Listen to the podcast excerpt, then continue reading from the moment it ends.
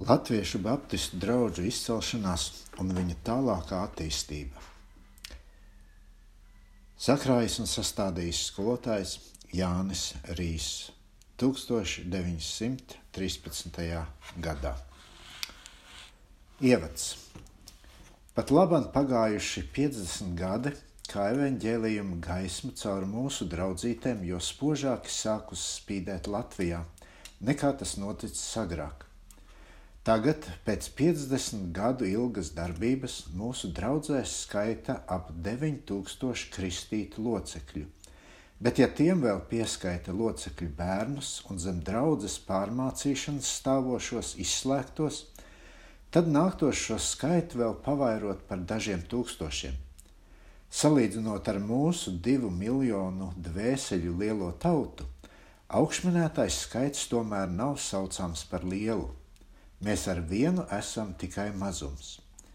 Ņemot vērā mūsu draudzes izcelšanās laiku Latvijā, viņas izplatīšanos, kā arī to iespaidu, ko caur dieva žēlastību esam iespējuši izdarīt uz savu apkārtni, mums jāatzīst, ka mūsu darba iesākšanās pie mūsu tautas pieskaitāma tiem darbiem, kurus pagājušā gadu simteņa 60. gados uz garīgā lauka radīja no jauna pamodies tautas gars. Gan rīz vai viss, kas mums, latviešiem, tagad kā tauta ir, nozīmē sabiedriskā dzīvē, tautiskā apziņa, rakstniecība, biedrība dzīve, jūrniecība un tā tālāk – Viss tas pie mums iesācies, jeb dabūjis jaunu, spēcīgu grūdienu ar pagājušā gadu simteņa 60. gadiem.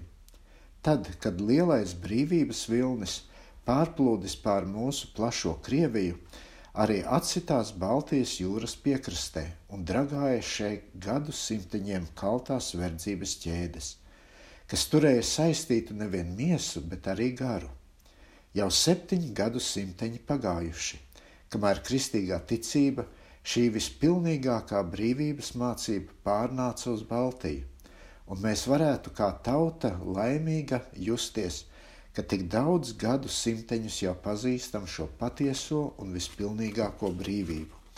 Ja būtum dabūjuši baudīt cik necik no viņas augļiem. Sirds sažņaudzas, ja ieskatāmies mūsu tautas vēsturē pagājušos gadu simteņos. Līdz ar pirmo kristīgo vēstnešu ierašanos 12. gadsimteņa beigās mūsu tauta grimst ar vienu jo dziļāk, nevien laicīgā, bet arī garīgā postā. Tiekams tā beidzot pēc nepilniem diviem gadsimteņiem atrodas pilnīgā verdzībā. Gaisma bija tapusi par tumsību un brīvība par verdzību. Tāpēc nav brīnums, ka tā kristīgā ticība, ko dabūjām caur ienācējiem vāciešiem, mums nesa nebrīvību, un ka šīs uzspiestās ticības ēnā vēl gadsimteņiem ilgi līdz pat jaunākiem laikiem varēja pie mūsu tautas uzturēties pagānu laiku atliekas. Kāds latviešu tautas ieražu labs pazinējs apgalvo, ka pēdējā svētbirze vidzemē, kurā vēl pienesti ziedojumi, tikusi tikai 1875. gadā izcirsta, un kurzemē Zūru pagastā vēl pirms pāris gadiem auga kāda elku liepa, pie kuras zariem šad un tad redzēja karājamies ziedojumus, zeķes un cimdus. Uzspiestā ticība nekad nevarēja pārstrādāt iekšķīgo cilvēku, nedz no tā tapt uzņemta nebūtu lieki, ja mestu mazu skatienu uz mūsu tautas gaitu pagājušos gadsimteņos.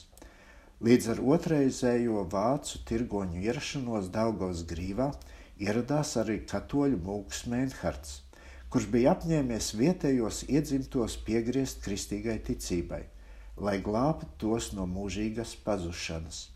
Liekas, ka šis pirmais kristīgās ticības vēstnesis arī patiesi tā domāja bet nekad tā nedomāja pārējie ienācēji, kuri Meinharda darbu pabalstīja un veicināja. Pasaules priekšā viņi taisnojās, ka nes iedzimtiem kristīgo ticību, kamēr viņu īstais nodoms bija caur kristīgo ticību tos piespiest pie baznīcas un caur pēdējo tos dabūt zem savas varas, ko tie arī panāca. Ar viltu tiem izdevās jau sākumā daļu no iedzimtiem dabūt pie kristības. Jaunkristītos aplika ar nodokļiem par labu baznīcai. Kādā veidā dažreiz notikušas kristības, to lai apgaismo šāds fakts. Kāds dāņu bīskaps dabū, dabūdams zem savas pārvaldības kādu novadu, kurā vēl dzīvojuši nekristīti pagāni, izdarījis kristību šādā vīzē. Tas braucis apkārt savam novadam un braucot līdzi pa ceļu slacīts svēto ūdeni.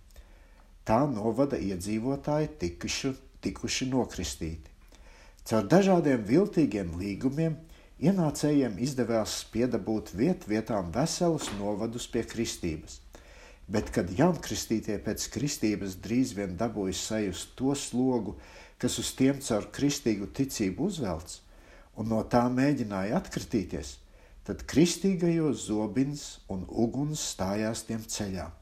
Ar zobinu un uguni kristīgās ticības izplatītāji pārstaigāja Baltiju no viena gala līdz otram, no Somijas līča piekrastes līdz Leišu robežai, un piespieda mūsu senčus ticēt dievam un kalpot kungiem. Gan 14. gadsimteņa pirmajā pusē verdzināties sacēlās pret verdzinātājiem, izcēlās liels zemnieku nemieri, bet drīz vien tie tapa zemnieku asinīm apslāpēti. Nu, nelaimīgie slīka vēl jau dziļāki, zaudēdami savas pēdējās cilvēcīgās tiesības. Iepriekš sadumpošanās dzimts kungs nedrīkstēja saviem zemniekiem viens pats piespriest nāves sodu. To varēja tikai tiesa darīt, bet vēlāk arī tas zuda. Katrs mužnieks dabūna tiesības savā mūžā spriest kaklu tiesu, un līdz ar to latvietis ar miesu un dzīvību top sava kunga īpašums. Kā tāds stāvoklis nevarēja pēdējos saistīt pie kristīgas ticības, to iedomājoties nebū, iedomāties nebūs grūti. Viss, ko tauta mācījās no Kristus šajos apmēram 400 gados, kamēr tā atradās zem katoļu garīdzniecības iespaida, bija uzticīga krusta mešana un tēvreizes skaitīšana latīņu valodā. Arī pūšamos, buramos un riebiemos vārdus, vārdos tauta mācījās laimas un citu pagānu dieviņu vietā piesaukt saldo jumpravu Mariju. Kā garīgs mantojums no katoļu laikiem mums vēl atlicis arī vārds pātari, savienots ar vārdu skaitīt. Cik rūpju garīdznieki piegriezuši ticības mācībai, liecina vēsturīgas ziņas par Rīgas bīskapu Miķeli. Šķiet domāts Mihails Hildebrants. Apbraukādams savu novadu, lai pāraudzītu nodokļu ievākšanu, kā arī savus draugus locekļus pātaru prasīšanā un lasīšanā, šis bīskaps ņēmis līdzi klostera foktu un citus ierēģus – kas nemācītāju, nemācētāju spēra rīkstēm un pacienāja tos, kas to mācēja. To pašu arī darīs nākošais biskups Linde, Jaspers Linde. Un šie vēl bijuši labāki par saviem priekštečiem, jo kronikas tos slavē. Veci ļaudis apgalvo, ka daži mācītāji gadus 50 atpakaļ darījuši gluži tāpat, kad braukājuši pa mājām bērnus klaušanāt. Likās, ka reformācija atnesīs pārmaiņu mūsu senču grūtajā stāvoklī, bet tas nenotika. Vismaz pirmā laikā ne. Mūžniecība pieķērās reformācijai, jo tā caur to cerēja tapt svabada no garīdzniecības varas, ar kuru tā jau gadu simtiņiem cīnījās. Zemnieki pat nepamanīja ticības pārmaiņu. Tos pārakstīja bez kā tie, ko zinātu no vienas grāmatas otrās. Pēc reformācijas ieviešanas Baltijā vēl pagāja ilgs laiks, apmēram 150 gadi, kurā tauta atradās tikpat lielā garīgā tumsā kā katoļu laikā.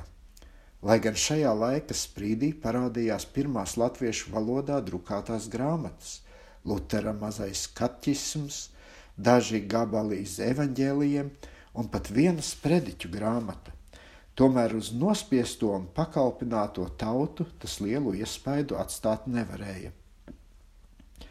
Ap 1670. gadu tauta garīgā ziņā vēl atradās uz tik zemas pakāpes, ka vidzemē tiek piekodināts ķesteriem, lai tie iet pa mājām un pieaugušiem māca, ka ir Dievs, Dieva vārds, svētā trīsvienība, mūžīga dzīvošana, nāve un elle. 1685. gadā iznāca latviešu valodā jaunā derība un pēc četriem gadiem visa bībele. Bet tā kā grāmatas bija grūti pieejamas un lasīt mācētāji pārāk reti, tad bībeles saturs vēl pēc gadsimteņa bija ļaudīm diezgan svešs. 18. gadsimteņa pirmā puse pēc briesmīga kara starp Zviedriju un Krieviju iestājās vidzemes latviešiem garīgā dzīvē jauns laikmets. Ap to pašu laiku Dienvidvācijā bija izcēlušies brāļu draudzes jeb hernhūtiešu kustība. Kāds no šīs kustības ievērojamākiem darbiniekiem, Kristians Dāvids, jau 1729. gadā atceļoja uz Rīgu. Karsta mīlestība uz savu pestītāju to spied nākt uz nepazīstamo vidzemi, lai vietējiem iedzīvotājiem, augstiem un zemiem, sludinātu to dzīvdarītāju spēku, kas spēja atraisīt dvēseli no grēku saitēm un tai iedot mieru, kas augstāks par cilvēku saprašanu. Vēlāk uz vidzemi arī atnāca brāļu draugs galvenais vadonis, grāfs Cincendorfs. Brāļu draugu sludinātāji pārsteigāja vidzemi un Igauniju, pasludinādami nospiestiem, verdzinātiem ļaudīm evaņģēliju vienkāršā, saprotamā valodā. Ļaudis tūkstošiem nāca klausīties prieka vēsti. Sludinātais vārds vietām patiešām pastrādājis brīnumus. Vesela apgabalu iedzīvotāji, kuri agrāk bija nogrimuši netikumībā un māņticībā, un kurus ne pātagas, ne rīkstes, ne cietums nebija spējuši labot, īsā laikā caur sludināto vārdu tapa gluži citādi. Māņticība un netikumība izzudusi, kā migla saules gaismā. Ļaudis parādījuši ārkārtīgas slāpes pēc dievvvārda, iedami desmitām verstīm tālu uz saiešanas vietām, un neskatoties uz viņiem grūtiem laikiem, celdami sevim lūkšanas namus, saiešanas kambarus. Lai gan šai plašai kustībai ir arī bijušas savas ēnas puses, tomēr viens nav noliedzams ka tas, ko gadsimteņiem šeit uzspiestā kristīgā ticība nepaspēja pie ļaudīm izdarīt, to īsā laikā izdarīja brāļu draugu sludinātāju no sirds uz sirdīm runātais vārds. Un šīs kustības pēdas vēl šo baltu dienu vidzemē nomanāmas. Brāļu draugs sludinātāji prata ar dievu vārda palīdzību noskaidrot pārliecību, un modināt dvēseles spēkus, kas stāvētu pret māņticību un daudz citām pagānības atliekām, caur ko patiesi pacēlās ļaužu likumība. Turpretī toreizējā evaņģeliskā baznīca savā pirmā laikā nezināja citus līdzekļus, ar ko cīnīties pret māņticību un netikumību, kā pātagu un kauna stabu. Tā piemēram, baznīcas virsvaldes priekšrakstos Krimuldas ķirspēlēji 1684. gadā starp citu atrodam šādu rīkojumu baznīcas priekšniekam un mācītājam par kādu ratnieka mājas kalpu, kas lūdzis kādu burvi noburt savam kaimiņam divus zirgus. Baznīcas priekšniekam un mācītājam par to jāgādā, ka bezdievis citiem par biedināšanu – top trīs svētdienas no vietas baznīcas priekšā pie staba iets un tur pērts. Bet no kurienes gan šī brāļu draudzene? Šis jautājums nevar būt priekš mums bez intereses, jo mūsu draugs, kā arī Herhūtas brāļu draugs priekšteci, priec, priekšteči, kristītāji un Morāvijas brāļi ir cēlušies tumšajos viduslaikos iz vienas un tās pašas garīgās evaņģēliskās kustības, kas jau bija gadsimteņiem priekš reformācijas. Hernhūtas brāļu draudzes priekštečos vēl nepa, nepārprotami nomanāmas baptistu mācības pēdas. Baznīcas vēsturē Morāvijas brāļi parādījās jau 15. gadsimtenī. Lai gan viņi pulcējās draudzītēs, tomēr tie ļoti atturējās no ikvienas sastādītas ticības apliecības, un tāpēc par viņu uzskatiem uz garīgā lauka var tikai spriest pēc viņu vadoņu uzskatiem. 15. gadsimtenī kāds no viņu galvenajiem vadoņiem, Pēteris Čelcickis, kādā savā rakstā saka par atgriešanos un jaunpiedzimšanu šādi. Cilvēka griba arī pēc grēkos krišanas palikusi brīva. Viņas brīvai izvēlei stāv labs vai ļauns. Tikai brīvi izvēlētais labs ir patiesi labs un vērtīgs. Bet tomēr bez dieva palīdzības cilvēks šo izvēli nevar izdarīt. Iekšējā atzimšana cilvēka gribas padošana dievišķai gribai nevar bez viņa žēlastības tapt ievadīta. Šī iekšējā atzimšana ir tā, kas cilvēka rada jaunu sirdi. Šī paša vīra uzskati par tā kunga iestādījumiem, it īpaši par kristību, rāda, cik tas šajās lietās baptistiem tuvu stāvējis. Iekšējā atzimšana un sirds atjaunošana – kuru tikai ar Dieva palīdzību un klātnību var notikt, ir nepieciešamas, lai tā kunga iestādījumi pie mums to paspētu, uz ko tie īstenībā doti. Šie iestādījumi pavairo un apstiprina pie mums Dieva žēlastību, bet to viss nerada. Tāpēc būtu labāk darīt pēc pirmās kristīgās draudzes parauga un tikai pieaugušus kristīt, tādus, kas savu ticību jau spēja darbos pierādīt. Nav Morāvijas brāļi pirmie, kam bijusi tāda atzīšana. Lasot jauno derību, redzam, ka šāda atzīšana arī bijusi kristīgai draudzēji apstuļu laikā, un baznīcas vēsture mums rāda, ka kristīgā draudzene divi pirmos gadsimteņos domājusi arī tāpat. Vēlākos gadsimteņos šādi ieskati gan vairs nav sastopami, līdz beidzot tie atkal parādās pie 12. un 13. gadu simteņa dažādiem pulciņiem, kuri turas šķirti no baznīcas. Šo pulciņu lielākā daļa izšķīrās no baznīcas caur to, ka atmeta šķīstīšanas ugunis un neticēja, ka kristībai un svētajam vakarē, vakariņam pašam par sevi ir kāds spēks. Daudzi pat atzina ticīgajo kristību par vienīgi pareizo. Jau 1150. gadā kāds ķeceru tiesnesis atzīmē, ka ķelnē bijuši ķeceri, kuri pamatodamies uz Markus 16, 16, kristījuši tikai pieaugušus, par ko tie no ķeceru tiesas sadedzināti. Vēlākos laikos Šāda atzīšana parādās jo plašākā mērā pie atsevišķiem pulciņiem, līdz beidzot Morāvijas brāļos tā pieņem noteiktu izteiksmi.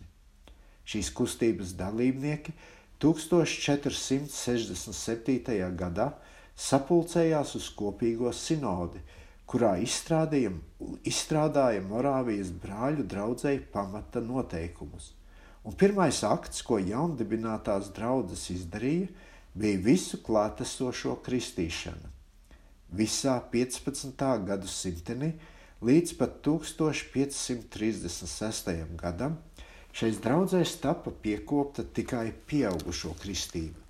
Šo kristību tie uzskatīja par zīmi sirds derībai ar Dievu. Tomēr jāpiemina, ka Morāvijas brāļi vēl piepaturēja bērnu kristību, gan nekā tā kunga iestādījumu, bet kā kādu svinīgu aktu pie vārda došanas bērniem, kā vārda kristību. Sevišķi ārējie apstākļi, laikam vajāšanas piespieda Morāvijas brāļu vadoņus 1536. gadā atteikties no pieaugušo kristības, un tajā vietā ievest roku uzlikšanu. Taču vajāšanām tie neizbēga. Tās turpinājās un pieņēmās, līdz beidzot tās draudēja Morāvijas brāļu draudzes gluži iznīcināt.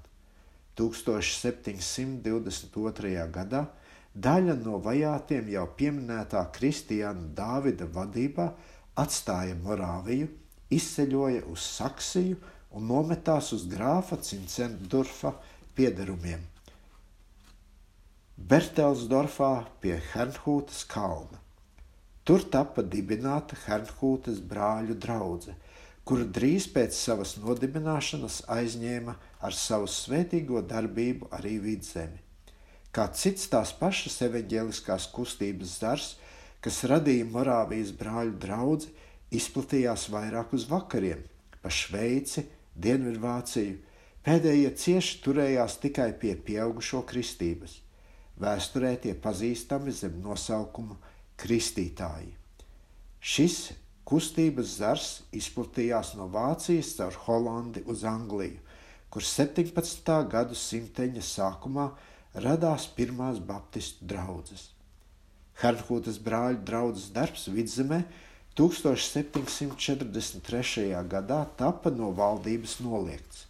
Šis aizliegums pastāvēja līdz 1764. Gad, 64. gadam. Tomēr arī šajā laikā, neskatoties uz aizliegumu, brāļu draugas misijas darbs paslepšus tika piekopts. Aleksandrs I 1818. gadā caur ukazu piešķīra brāļu draugiem sevišķas tiesības strādāt Lutāņu draugzēs. Šajos gados brāļu draugs darbs bija sasniedzis savu augstāko pakāpi. Starp latviešiem un igauniem brāļu draudzēji bija 31,000 locekļu un 144 lūkšanas nami.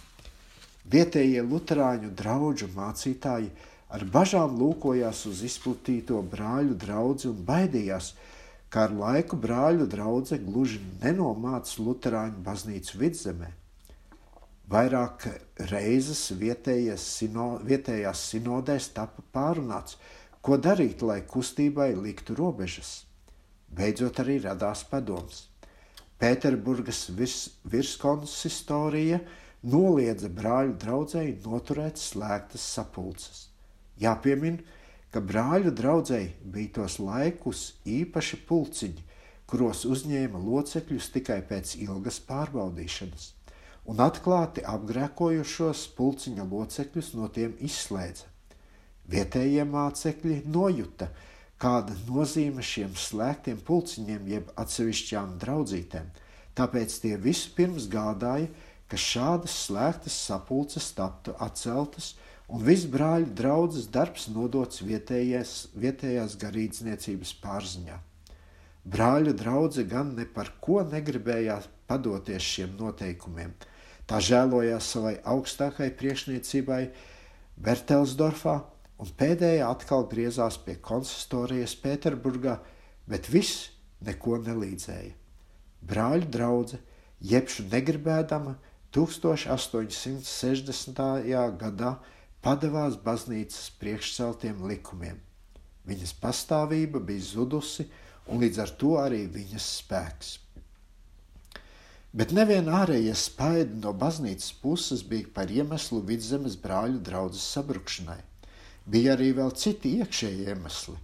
Brāļu draudzene neizrādījās par spējīgu līdzsekot vispārējai attīstībai, piemērot ties jaunajiem apstākļiem, kuri radās uz tautas garīgā lauka. 19. gadsimta otrā pusē brāļu draudzene pamatoja visu savu darbību pie cilvēku dvēselēm uz jūtu aizkustinājumu, uz asarām, uz satriektu sirds stāvokli. Dzimbūšanas un klausības laikos, kad ļaudis atradās uz zemes prāta attīstības pakāpes, Jūtu ceļš bija arī vienīgais ceļš uz sirdi, ceļš, pa kuru varēja nākt sakarā ar iekšējo cilvēku. Citādi kļuva 19. gadsimta otrā pusē, kad tautas pamošanās laikmetā caur skolām sāka jo lielākā mērā izplatīties arī prāta gaisma. Ļaudis pamodās ar kritis, kritisks prāts. Jaunie vairs nebija apmierināti ar jūtu un sirds aizkustinājumiem vien, tie vēlējās barību arī prātam. Vecie atkal nevarēja saprast, ka tas, kas viņiem reiz bijis tik dārgs un vērtīgs, viņu bērnu acīs pilnam zaudējis savu nozīmi. Daudzie brāļu draudzes saiešanas kambari, kas izkaisīti pa visām vidzemes draudzītēm, un vecu ļaužu atstāsti par lielajām sapulcēm un konferencēm, uz kurām ejot nebijis par grūtu mērīt līdz 50 verstim, dod ikvienam vidzemes apceļotājam, kam garīgās lietas nav gluži svešas, gaišu liecību par to spirkto garīgo dzīvību, kas reiz šeit bijusi. Kur zemes savā vēsturē nepiedzīvoja tik raibus un grūtus laikus kā vidzeme. Viņas vēsture vispār mierīgāka, tā mazāk tapusi no kariem piemeklēta nekā vidzeme, Arī dzimtļaužu stāvoklis caurmērā bijis drusciņš vieglāks nekā vidzemē, bet garīgā ziņā kurzemes iedzīvotāji rādās būs atradušies uz vēl zemāka stāvokļa nekā vidzemē, jo spilgtu gaismu uz kurzemes zemnieku garīgo stāvokli met sekoši izvilkumi iz Jēlgavas baznīcas ruļļiem no 1776. gada.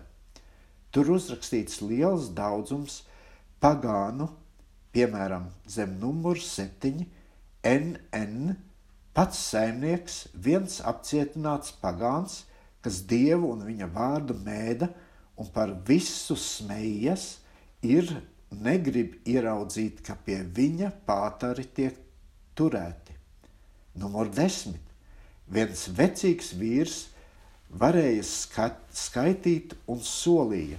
Laikam būs pratis pātars skaitīt un solījis nākt pie dievgalda, bet pievīlis un nenācis. Ronas tādi, kas pagānu laikus uzteica. Daudzi visu mūžu palikuši neiesvētīti un negājuši pie dieva galda. Ceturtā svētdienā pēc vasaras svētku atsvētes 1767. gadā Vienā pašā pagastā no kanceles pie vārda saukti 22 pieauguši cilvēki, kas nebija pie pārklaušanās un iesvētīšanas bijuši. Latviešu avīzes 1834. gada 26. numurs. Bet nav tur ko brīnīties. Kurzemē trūka brāļu draudzes misionas, kas viņos tumšajos laikos būtu spējusi nospiestā zemnieka dvēselē pienest evaņģēliju, likt baudīt tā saldumu. Katoļu baznīca to nespēja darīt, tā arī pēc tā necentās. Tai pietika, ka ļaudis bija nokristīti, mācēja krustu pārmest un dažus pātarus noskaitīt. Evanģēliskā baznīca arī, kā redzams, šajā ziņā nav daudz ko paspējusi darīt. Viņu daudz kavēja tas stāvoklis, kādā tā bija Baltijā nostādīta. Uz garīgā lauka tā pilnām reprezentēja muizniecību. Tā savā ziņā piederēja pie iestādēm, kas zemnieku, ja arī ne tieši turēja kalpībā, tad tomēr uzraudzīja viņu, lai tas paliek savā stāvoklī, un tam centās iestāstīt, ka šāds viņa liktenis tam ir no dieva nolemts. No tās pašas kanceles no kuras latvietības sludināja evaņģēliju, tam arī lika dzirdēt viņa pienākumus pret muižu izvāku grāmatas. Dokuments, kurā ierakstītas muižai maksājamās nodevas, nodokļi un citi zemnieka pienākumi pret muižu. Gan nebija slikti viņam šos pienākumus dzirdēt, lai muiža no tā neprasītu vairāk nekā tai nācās. Tomēr baznīca priekš tam nebija īstā vieta. Tas sajūta senā latviešu sajēgā mūžu kopā ar baznīcu, kalpinātāju ar brīvības sludinātāju. Daudzreiz pat rokām taustāmās pārestības no kungu puses tapa no kanceles aizstāvētas un par labu griestas. Tā piemēram pagājušā gadsimteņa 50. gados džūkstas mūžas vagars par kādu pārskatīšanos kādam mūžas darbiniekam tā sitis, ka tas uz vietas bijis pa galam. Nākošā svētdienā vietējais mācītājs savai draudzē no kanceles paskaidrojis, lai tā nedomājot, ka vagars minēto darbinieku nositis, bet nelaimīgo cilvēku esot ķēris sirds krampes. Var saprast, ka baznīcā dzirdētais dievu vārds zemnieka dvēselē dziļu iespaidu atstāt nevarēja, bet nelūkojot uz visiem tiem trūkumiem, kas piemita evaņģēliskai baznīcai, tā tomēr darījusi lielu darbu Dievu valstības drūvā mūsu tēvijā, apgādādama tautai Bībeli un izsakņodama to no aizsprieduma pret Bībeles lietošanu, kādu iepotē katoliskā baznīca. Pat grūti iedomāties, vai mūsu draugu darbs jau maz būtu varējis tapt strādāts, ja evaņģēliskā baznīca tam nebūtu pastrādājusi šos nepieciešami vajadzīgos priekšdarbus. Evaņģēliskās baznīcas galvenais trūkums bija, ka tā jau pašā sākumā sajūdzās ar valdību, tapa tai par biedreni un aizstāvi, un līdz ar to arī par tās kalponi, kas tai kavēja stāvēt sava uzdevuma augstumos un paveikt daudz vairāk nekā tā pastrādājusi tajā laikā, kamēr tauta atradās zem viņas iespaida. Kur zeme gan palika no brāļu draudzes darbības neaizskarta, bet tajā pašā 1860. gadā, kad baznīcai vidzemē, izde, vidzemē izdevies, izdevās izputināt vidzemes brāļu draugu, kurzemes jūrmalā iesākas jauna reliģiska kustība, kuru baznīca nevarēja apslāpēt jo kustības dalībnieki jau tūlīt pašā pirmā sākumā pārtrauca savus sakarus ar baznīcu. Bija tagad pienākuši citādi laiki. Lielās reformas no Krievijas troņa, kas nāca par labu arī Baltijas zemniekiem, ļoti līdzināja ceļu šai jaunajai kustībai.